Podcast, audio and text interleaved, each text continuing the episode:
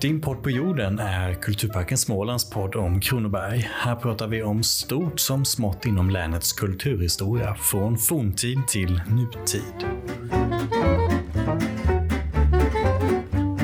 Välkomna till Kulturparken Smålands podd Din podd på jorden. Jag heter Alexandra Stjernspets Nylén och här i studion finns idag också Svea Larsson Eh, som är doktorand i skandinaviska studier vid universitetet i Wisconsin-Madison i USA.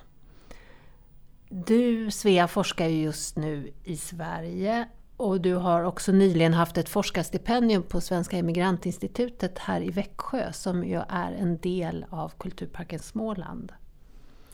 Vi ska prata idag om din pågående forskning och om den svenska emigrationen till USA eller Amerika i början på 1900-talet. Och då främst med ett perspektiv som rör kvinnor och deras vardagsliv. Ja, det var min lilla presentation. Hur skulle du själv vilja presentera dig? Ja, tack så jättemycket att jag får komma och eh, uh, komma och sitta i samlingar. Det var spännande och det är alltid så roligt att vara här.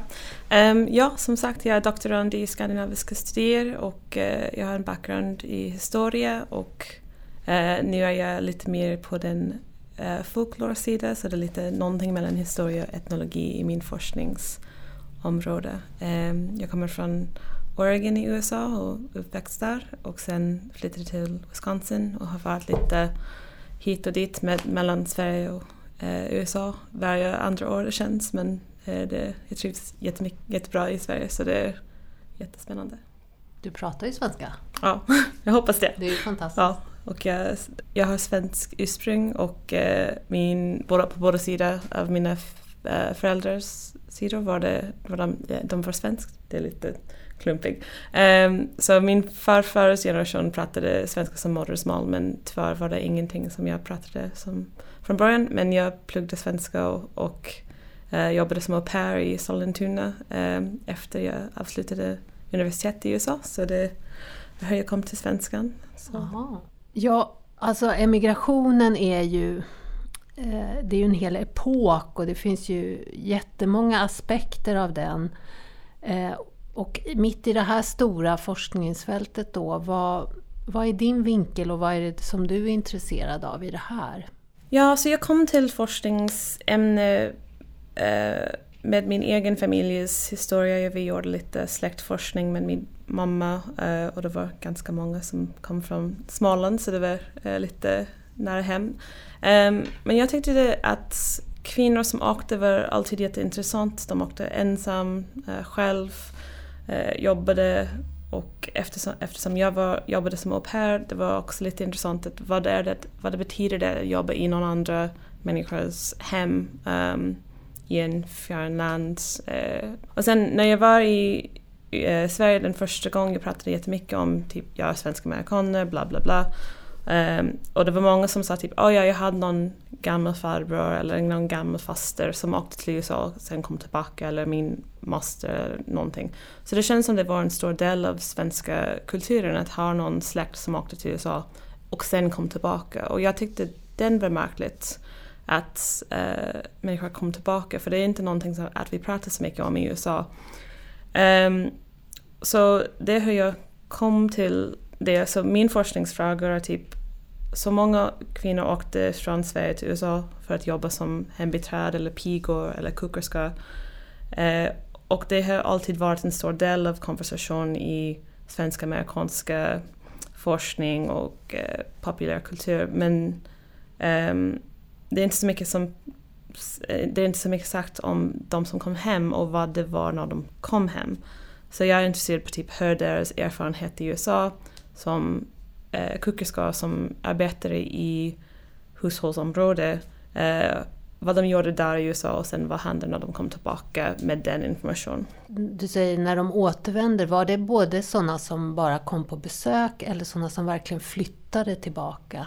Ja, så det är kanske en, en grej som är min egen åsikt och jag tycker att det är inte så stabilt att att det är bestämt när man åker till USA att man skulle stanna där eller att de skulle komma tillbaka. Jag tror det var lite en pågående eh, fråga. Typ, det är bättre här i USA just nu men jag kommer att sakna hem eller jag skulle åka um, bara för ett år eller två år tjäna pengar och sen använda den pengar till någonting i uh, Sverige för att bygga en hus eller vad som helst.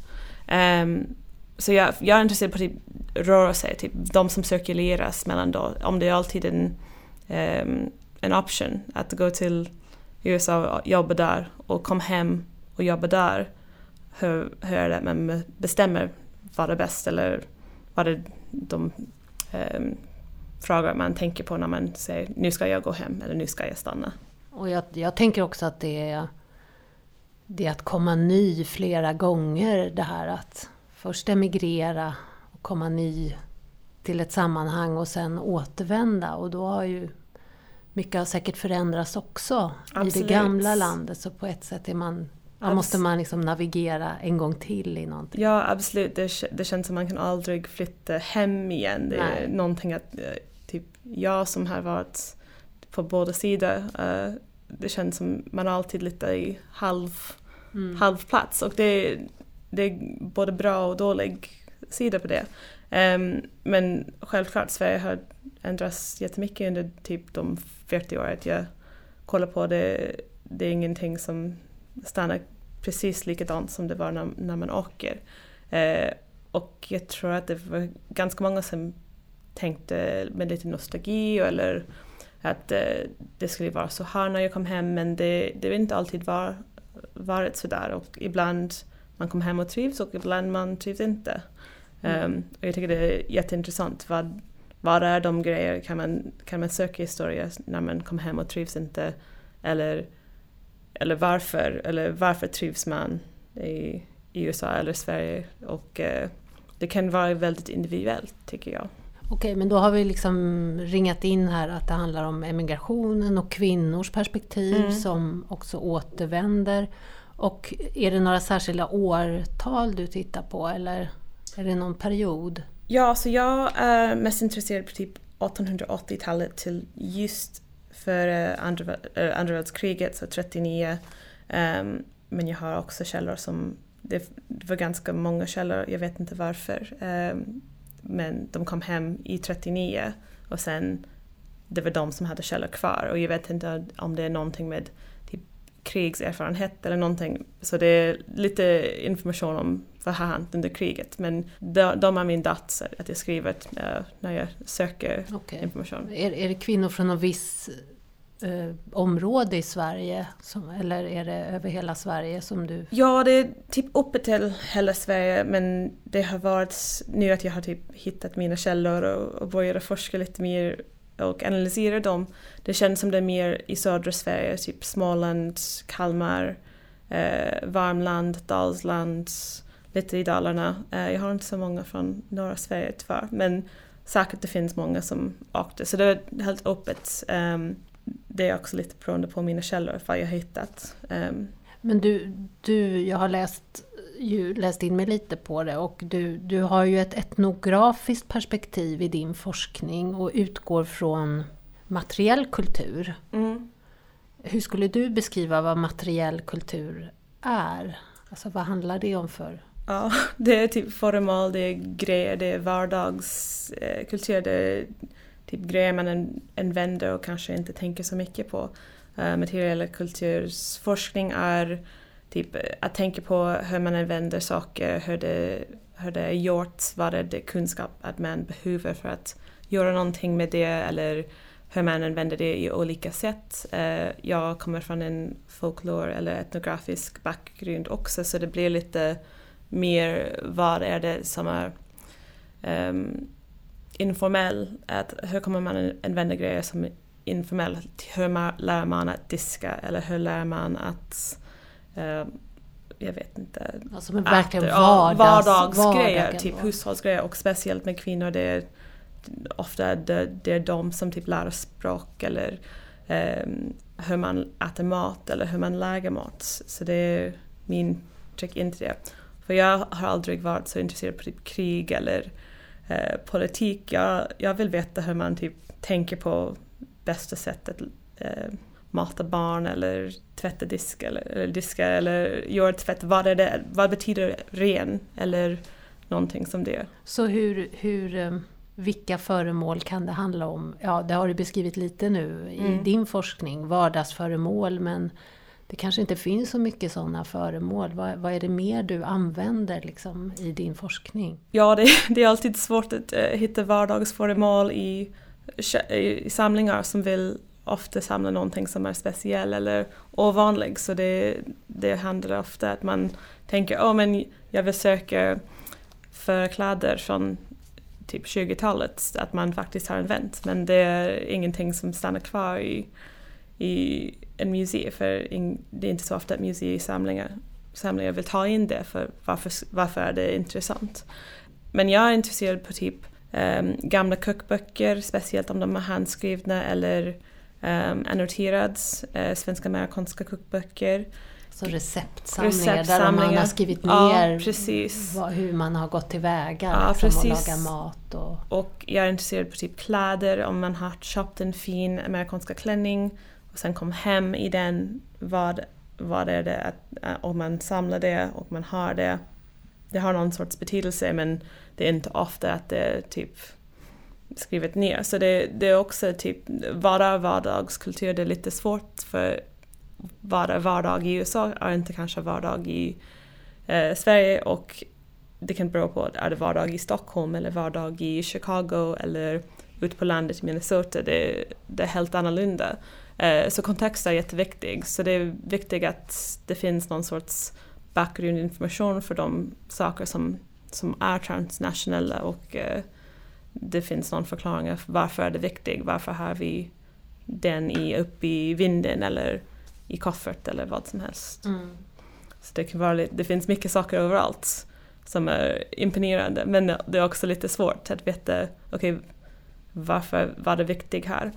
Ehm, så man kan tänka på typ saker själv ehm, men som det är lite svårt just på den tid med typ början av att man kan köpa grejer på mail eller någonting som det. Ehm, det är lite eh, svårt alltid att veta så det är lite messy. För att om det är svårt att få tag på, på de här va- vardagsföremålen då jag kan tänka mig att man får gå lite indirekt då som genom beskrivningar av saker och ting. För du, du tittar ju en del i brev och Mm. sådana.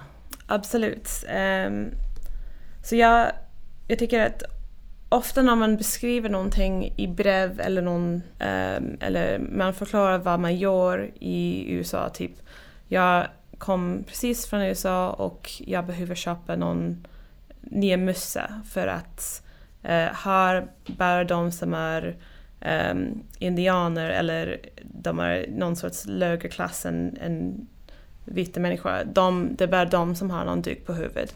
Ehm, det är en, en källa som berättade det som jag tyckte var väldigt intressant för hon, kom, hon vill inte ha någon, någon duk för att hon vill visa att jag, jag vill inte vara som, som dem. Så det finns också någon sorts typ eh, klassmarkering Markering. liksom. där. Alltså en svensk kvinna som Mm. inte ville Vara se- som Nej, okej. de i USA är så man förstår redan när man har precis kommit, man, man behöver fixa sig själv i en, Ja. i en klassystem. Ehm, och vad var... Eh, eh, nu har tappat Nej men ja, Mm. alltså hur, hur Ja. får man ta igenom brev och beskrivningar? Så då beskriver hon det här i ett Ja brev. precis, hon skrev den hem. Ja. Ehm, det var ju 80, 1880-talet tror jag. Ehm, men också i de brev, det är väldigt intressant, hon, hon skriver hem typ jag, jag har köpt en ny kappa eller någonting och många av mina frågor är om konsumering och eh, vad det bety- betyder att köpa någonting. Och, men jag har inte köpt en jättedyra kappa som min kompis Erika har gjort. Erika har köpt en jättedyr och jag vill inte köpa så mycket. Så det blir någon sorts gräns att man säger typ förklara varför jag har köpt den, det är kallt. Och så, jag, har, jag kunde köpa någonting dyrare um, men jag gjorde inte det, det var någonting Erika har gjort. Så det blir lite sådär. Så det, de, det kan vara jättehjälpsamt att förklara okej varför är det viktigt, varför vi pratar så mycket om amerikanska hattar eller någonting. Men det också blir någon sorts fråga om, om klass, om, om de skriver till, de översätter någon eh, kontext i USA för dem hemma. Eh, och sen det är lite fram och tillbaka så man kan typ säga kanske jag behöver skicka pengar hem till min familj men kanske det är också att jag vill köpa en ny fin hatt för jag jobbar jättemycket och eh, det känns bra när jag, jag Ja. ser, jag känner vackert. Det är lite som typ treat yourself. Det, det är många Mm. sådär saker som man inte tänker på att man kanske gör både nu och då. Alltså håller i huvudet utan att man tänker på det. Just som Ja. du beskriver att, att den här kvinnan ska förhålla sig till situationen i Amerika. Hon hinner liksom uppfatta den och Mm. navigera lite i den och samtidigt vet hon Hur det skulle hur, vara. hur det är i Sverige och så liksom Och jag tycker det, balanserar hon däremellan. ja, jag vet inte hur man precis gör det. Jag tror det är ganska är individuellt. omedvetet ja, säkert det, också. Det är typ om kanske jag får nyheter från Sverige, från om min B eller någonting och sen jag vet hur jag är för att jag ja, tänker att jag skulle inte göra det för att hemma de skulle tänka någonting. Men jag vet inte hur mycket, det, hur mycket makt typ eh, hemmaåsikter hade.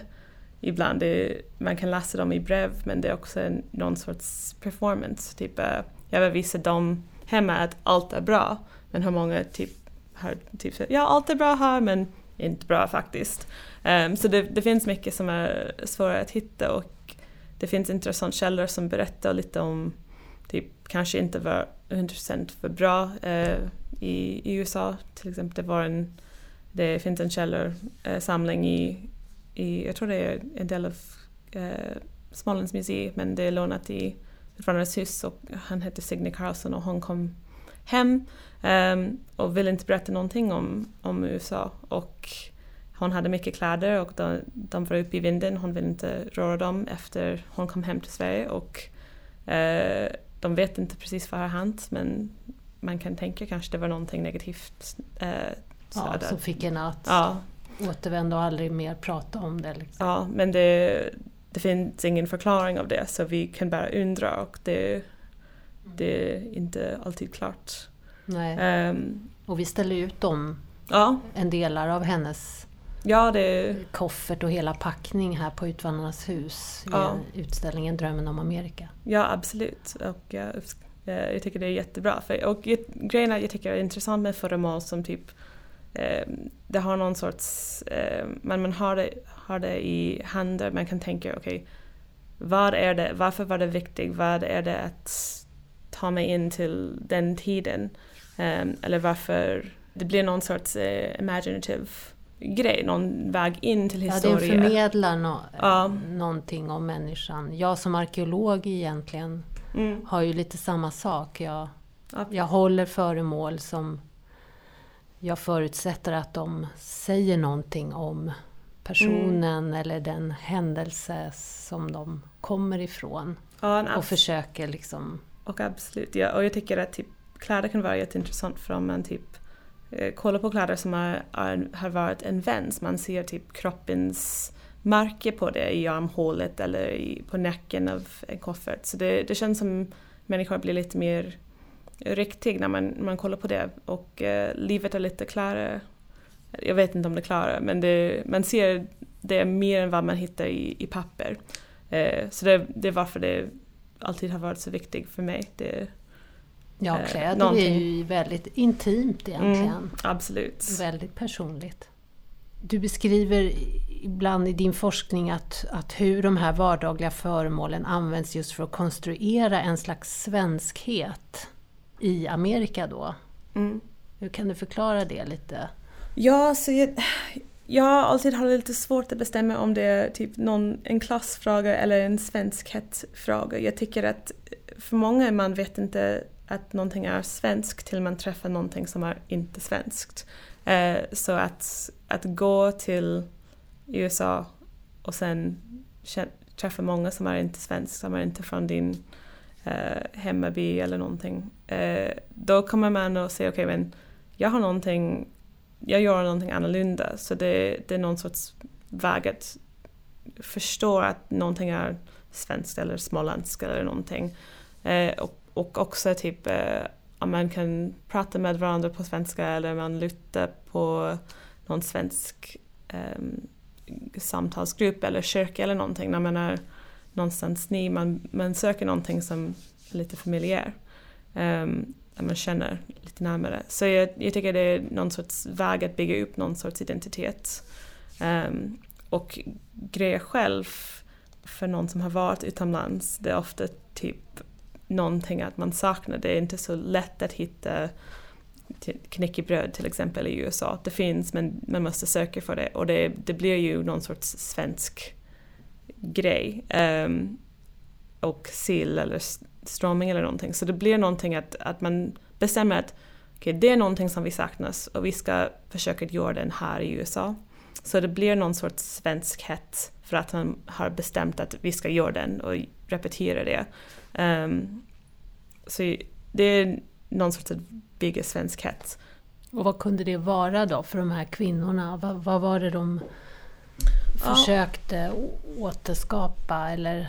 Ja, det, typ när de, när de var i USA. Var det matlagning ja. eller liksom eller Ja men det, kläder, typ, det är lite i min källa, jag vill inte typ läsa svenskhet i, i källorna som är inte där, där om du förstår vad jag menar. Ja, ja. Kanske inte som, som svenskhet mm. utan det som ja, det, det, det kända, ja. det som var känt för ja, ja, så det snarare än någonting någon som är typ eh, nära eller någonting. Så det var, jag har en jättebra eh, brevsamling som berättar om han saknar att dricka mjölk till exempel när han arbetar i en eh, amerikanska familj för de dricker ingen mjölk. Eller han, han, hon saknar hennes kur eh, och vara ute i ladugård för mm, i, mjölka. Ja, och mjölka och allting.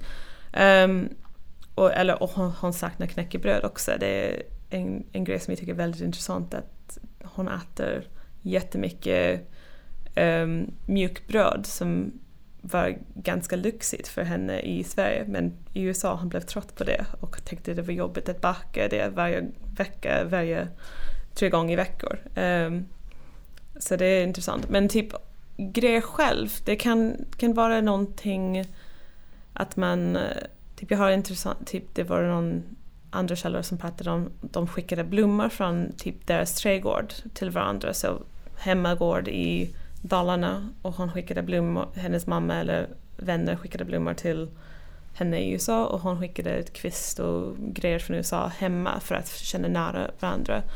Men jag vet inte om de om det är någonting om svenskhet eller om det, om det är någonting att känna att man är nära de som ja. älsk, älskar dig eller någonting. Så det är någonting som jag har inte bestämt i min egen analys. Nej, jag förstår. Jag förstår. Um, men också man, man börjar bygga någon sorts svensk um, typ grupp eller, eller svenska kyrkor i Sverige eller i USA var väldigt stor och språket, att, att prata språk var, var viktigt. Men på samma ja. gång tänker jag att när man kommer i det nya sammanhanget i Amerika så öppnas ju nya möjligheter. Mm. Och som du säger, kanske nya möjligheter utifrån den klass man kommer eller har, har levt, alltså de förhållanden man levt i i Sverige så kanske det plötsligt ser annorlunda ut. Mm. Man har, vad har du för spår av sådana saker i din... Ja, så det är också en, en stor uh, typ fråga eller uh, ämne i min forskning. Så jag, jag tycker det är väldigt intressant när man när kvinnorna kom till USA, de typ klassmarkeringssystem var inte precis samma. Så när, om du jobbar som eh, Eh, till exempel en, en piga på, ute på landet på en, en bondegård kanske du um, fick betala, inte jättemycket pengar som betalning, det beror på vilken tid självklart och vilken gård.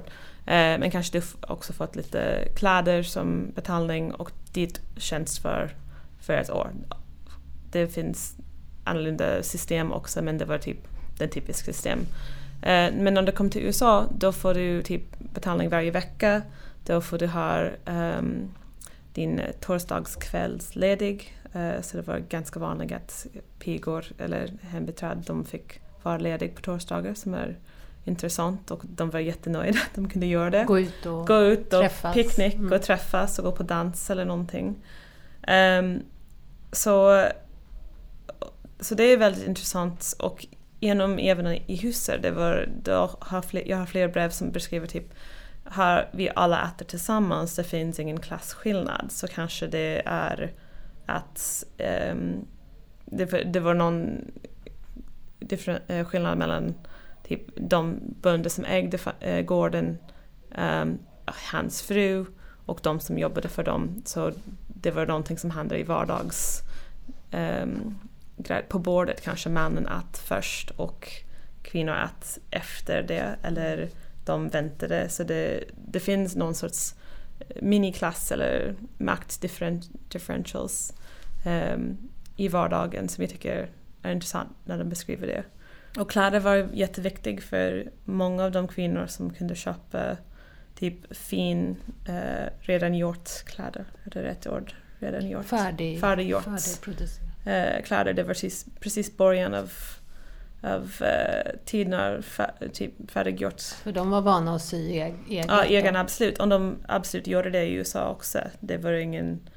Uh, det var någon, en krav att man, om man skulle vara välklädd. Uh, det, det är någonting man måste göra men det var också det början av typ att ha billig färdiggjort eller snabb, snabbkläder. Så det, man kunde gå ut och köpa någon sorts fin hatt eller, eller klänning eller någonting som sa ganska likadant den som var typ fruns klänning eller man kanske kunde få fruns gamla klänningar och kan se upp den så man, när man går ut och inte på jobb, inte i um, vad heter uniform. Ja, ja uniform. Ja, i, i uniform. Mm. arbetskläder. Eh, arbetskläder. Man kanske ser ganska likadant eh, de som var din chef. Mm. Eh, och det, det var en skillnad mellan USA och Sverige för det, i Sverige det var ganska strikt hierarki med kläder. Um, och det var många typ, som beskriver skillnaden att komma hem och se, vad fint jag, se hur fint jag är i min damkläder och min fina amerikanska hatt. Så, så det var, vet man hur kvinnor som spenderade de pengar de tjänade? Det var, var det mycket sånt? Kläder och Ja. Eller går det att säga någonting ja, generellt om det egentligen? Jag har ingen typ, bra statistik om hur kvinnor själva har typ, använt pengar, att de har gjort det. Det var jättemånga som typ, skickade pengar hem till hemgården um, eller de köpte kläder eller um, de sparade till de skulle gifta sig och ha en egen hushåll eller någonting som det.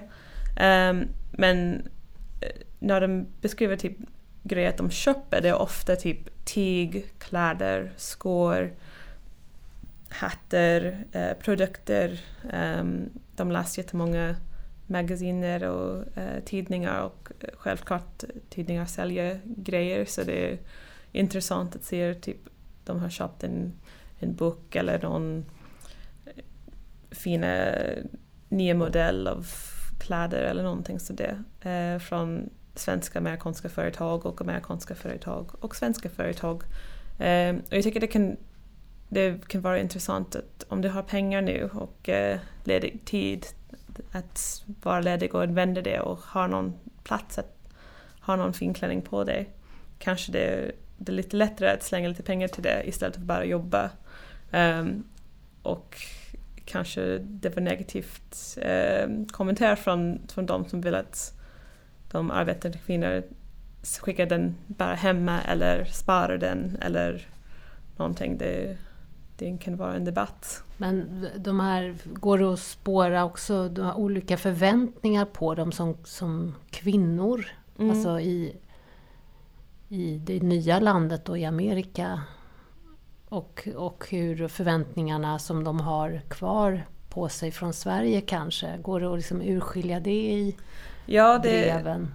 Eller? Ja, i breven och eh, vad de köper. Ja. Det, jag tycker det är, Jag vet inte om det är någon skillnad mellan typ män och kvinnor Precis, det är, det är någonting att du är i USA, då, skulle, då du måste tjäna pengar, du tjänar mycket mer pengar än här, då skulle du skicka den hem. Så jag tror det är alltid någon sorts... Var det samma för män och kvinnor menar du eller? Nej, Nej jag tror det, det kanske, jag vet inte om det finns någon skillnad, jag skulle inte säga det. Jag tror att om man är där och är någon sorts arbetare, migrant, idén att du arbetar och så skulle jag skicka pengar hem för att det är vad man gör som labour migrant. Mm om det, om det är klart.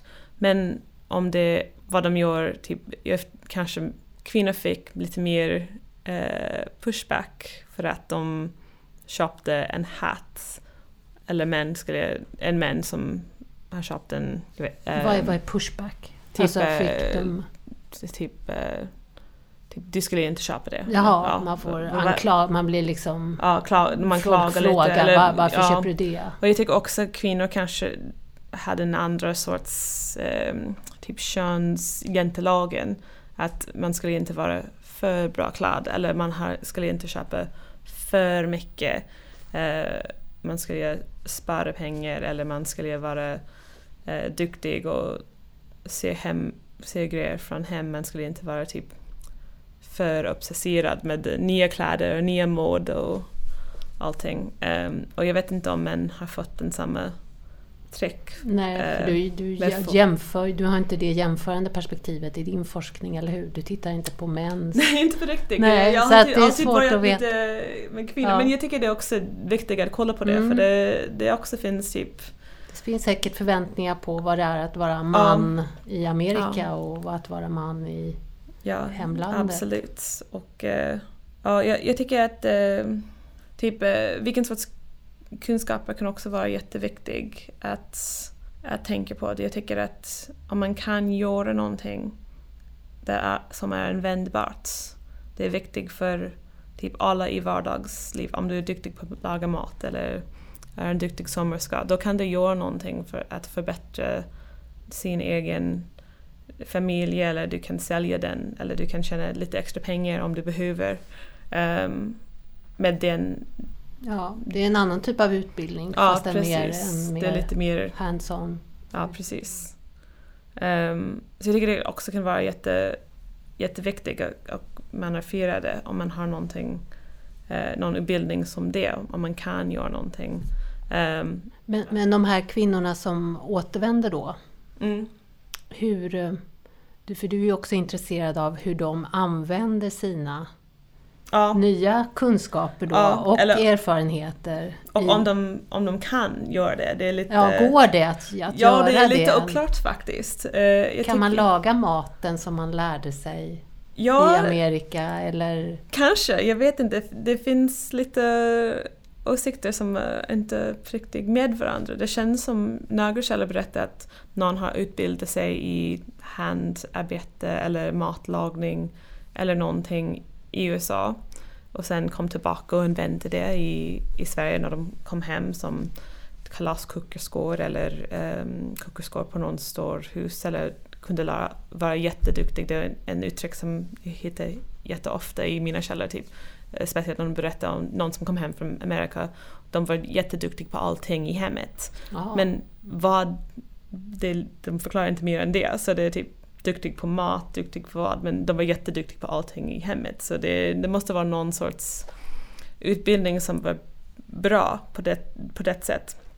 Eh, men det var också en, en källa som berättade att han, hennes mamma skrev hem till henne och sa typ nu sk- ska du inte komma hem och typ ta hand om eh, köket eller vara matmördare i Sverige. Och han sa nej jag pusslar med mat här i, Sverige, i USA men eh, jag har bara jobbat med mat med amerikanska familjer så jag vet inte hur man skulle göra det i USA. Så det, det känns som det finns någon gräns att Mm. det går inte att översätta alla Alla alla- färdigheter, alla Nej, inte kunskaper. riktigt. Nej. Ehm, och jag, vet, jag har inte riktigt på väg i forskning så jag har inte riktigt bestämt vad det betyder eller varför de tänkte det. Men jag tycker det är väldigt intressant för ehm, det kan vara typ, ja men det är typ olika sorts rätter om man pratar om kokerskor, matkultur eller vad man skulle laga. Eller det är någonting om teknologi, om, om du har ingen om du behöver någon elvisp för att göra någonting och det finns ingen el i Sverige men du har lärt hur man gör det i Chicago. Det finns ju en skillnad. Mm. Eller om man skulle typ baka bröd i en ugn utan um, termostat eh, i en järnspis eller någonting. Det, det är inte lätt att göra en tårta i den. Ehm, så Nej, det, det, vet man ju själv ja. bara att, att ha andra typer av ingredienser. Ja, absolut. Det, det är inte samma marknad alls. Eh, och jag, jag tror att människor kom hem med ingredienser, eh, typ kryddor till exempel. Jag har en källa som, eller en samling som hon kom hem med mycket kryddor från USA. Um, så vi tyckte det var väldigt intressant att komma hem i 30-talet med en el, vaffeljärn och kryddor. Uh, för att, att vända i Karlskoga, det är verkligen... Och det var, det var någonting att hela, om, om vi pratar om kvinnan som beskriver det, hon sa typ att hela, hela byn vill komma och kolla på el vaffeljärn. Um, och, så, och ibland det var ingen våffla kvar när man skulle ha den för alla har smakat den. Um, så jag tycker det är väldigt intressant, det är en intressant fråga om typ modernitet också. Vad kan man köpa eller vad kan man mm. få um, på en praktisk sätt i, i Sverige, ute på landet speciellt. Ja, det måste ha varit en stor kontrast där. Ja, verkligen. Att återvända till. Och eh, jag, jag undrar typ hur man typ tänker på, okej, okay, var, det, var det bra att vara hemma eller var det bra där? Och har man typ skilda typ identitet i den, i den sättet? Man måste ha, måste ha det men det, det är inte alltid klart, typ, klart skrivet jättetydligt i, i källor. Så det... Och hur hittar du upplevelserna när man är tillbaka i ja. hemlandet. Det är om man har kanske vänner kvar i Amerika, att man skriver till dem och så. Ja, absolut. Det kan finnas beskrivningar. Det är jättesvårt. Och jag tycker faktiskt att eh, det är inte i arkivet eller museer Nej. att de källor finns. Jag tror det är mest i, ut på vinden, ut på landet eller i typ muntliga traditioner eller beskrivningar i familjer.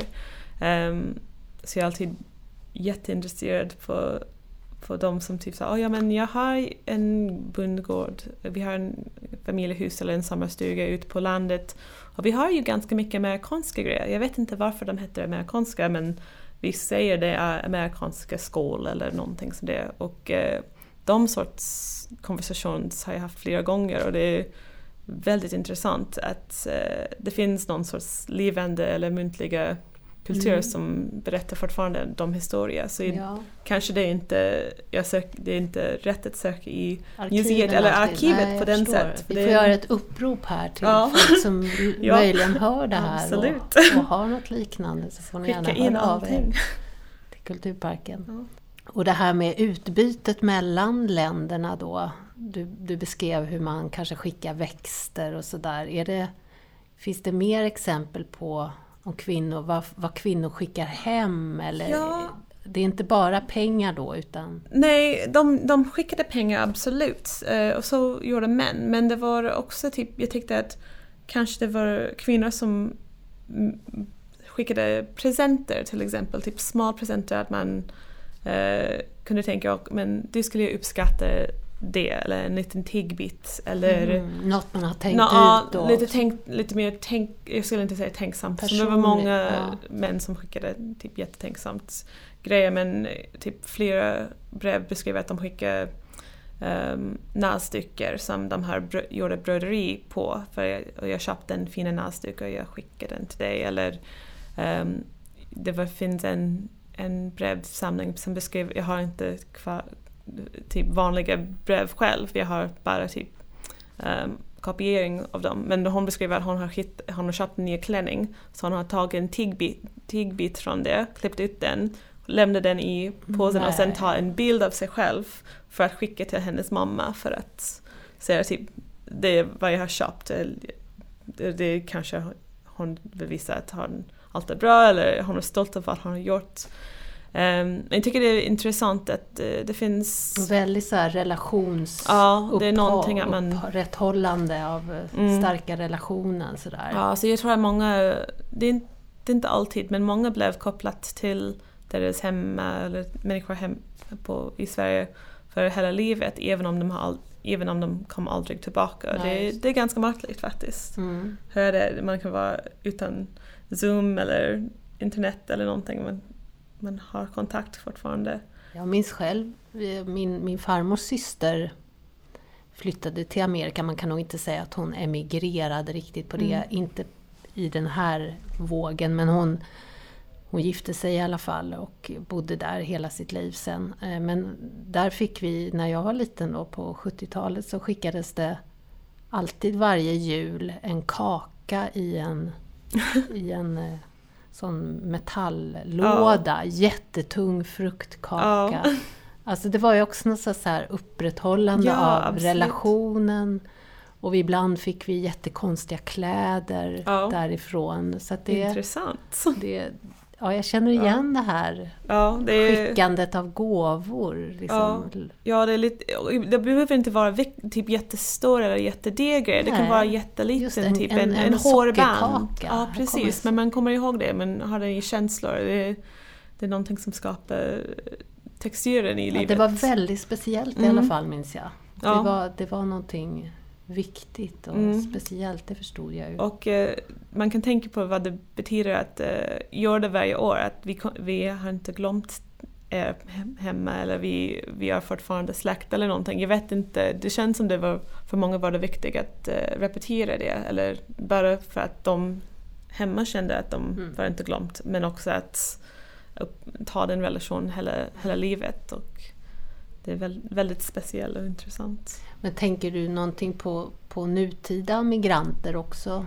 Ja, Alltså, det måste ju vara mycket samma absolut. som det- återkommer här av att... eh, Ja, man kan, man kan prata om typ specifikt svenska amerikanska grejer och eh, kvinnor från Ja. landet i 1900-talet men typ frågor som jag ställer av mina människor källor, någonting som eh, immigranter nu också har. Typ, eh, det är någonting att längta hem och eh, ibland man har typ lite mer bestämt eller man kan säga att jag ska flytta hit och dit men ibland man har inte så många bestämt. Jag har en kompis som kommer från Iran och hon sa att jag, jag säkert vill gå hem och hälsa på men jag kan inte göra det, det går inte. Det är inte, det är inte någonting som Nej, jag kan göra. Så det, det, det finns olika typ gränser att eh, olika sorts immigranter har och eh, detsamma i USA också i den tiden. Det var lite mer frihet på, på ett sätt um, på några folk, några grupper än vad det var för andra.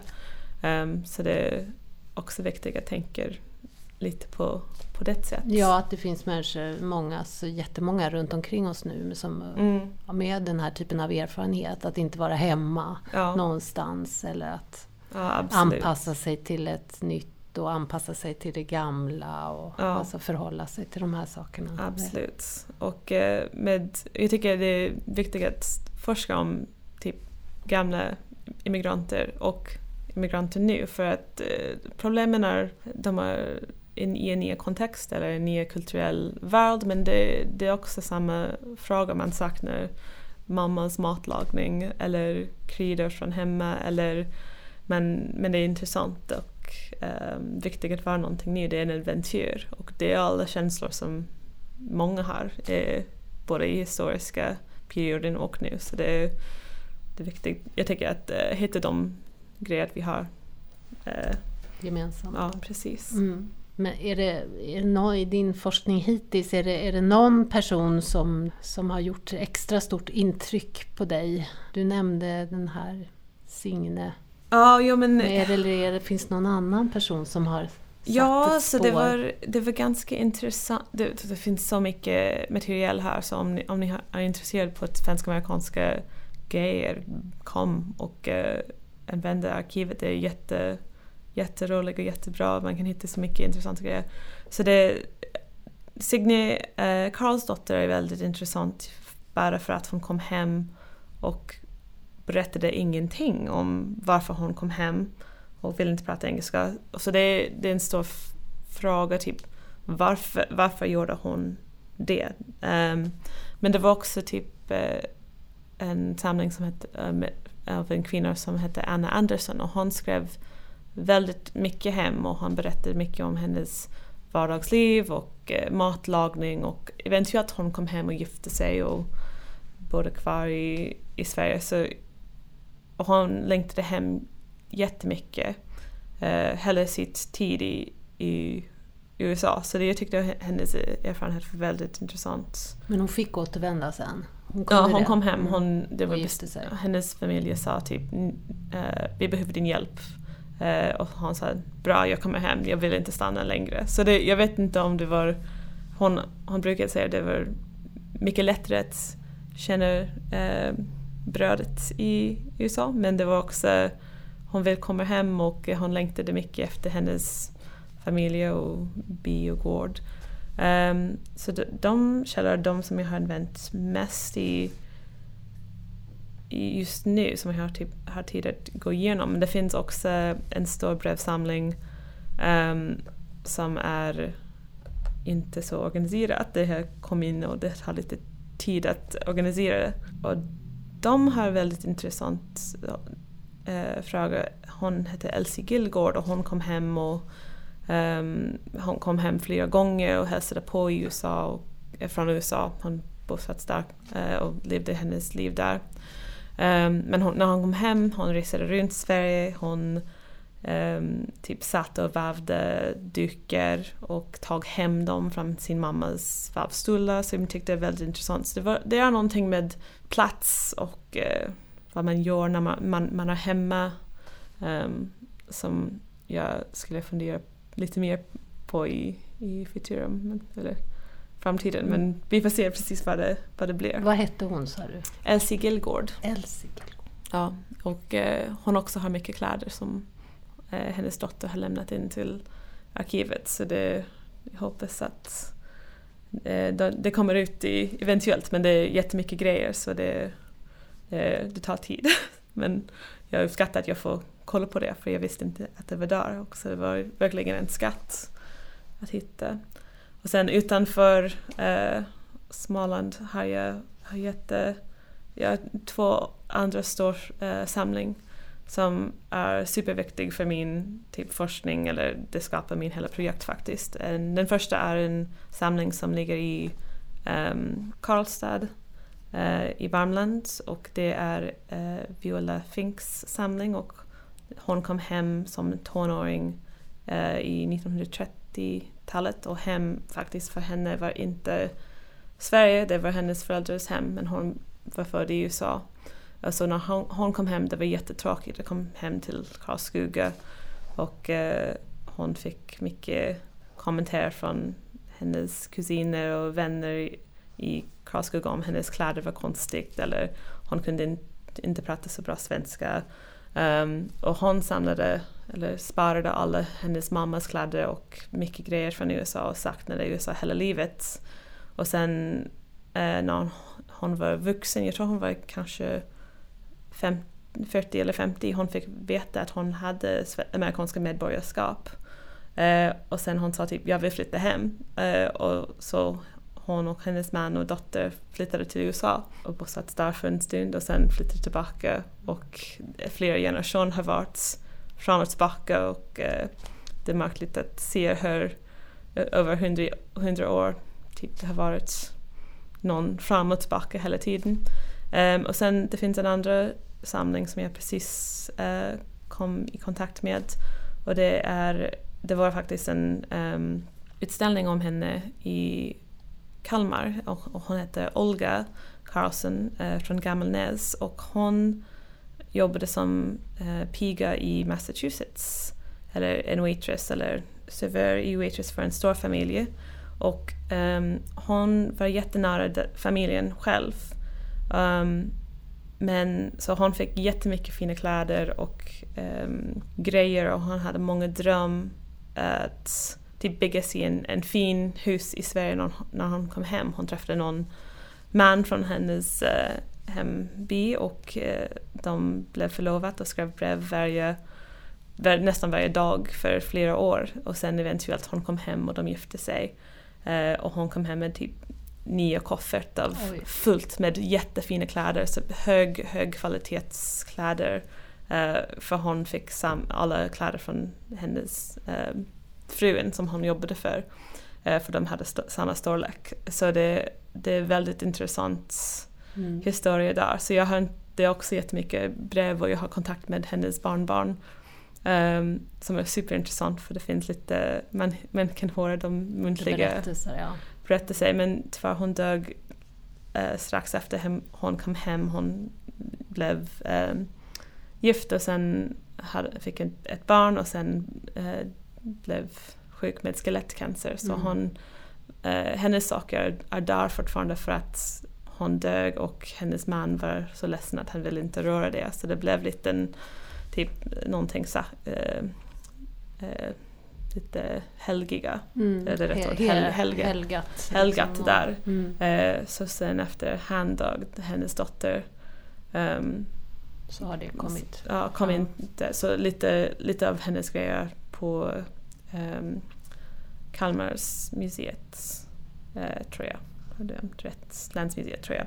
Så det är också, de, de är min typ största Jag förstår. grupper Ja. och jag har, som jag har precis kommit in med några av dem. Jag har flera frågor och måste förklara mer men jag är super eh, nöjd med dem. Det är verkligen, alla, alla de källor skatt till mig för det är eh, någonting som har en verkligen textur och eh, många frågor, många intryck till den historiska tiden och de människor som levde eh, ganska transnationella livet. Så.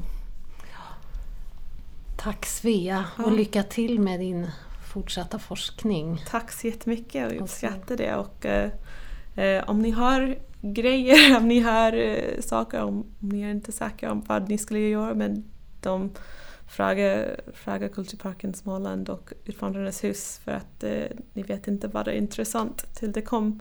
Eh. Precis. Och så skickar vi ett, en hälsning till alla dessa kvinnor. Olga och Signe och Ja. Anna och Det finns flera, flera det finns många Anna, kvinnor. Anna. Anna och Anna och allihopa Ja. ute i etern.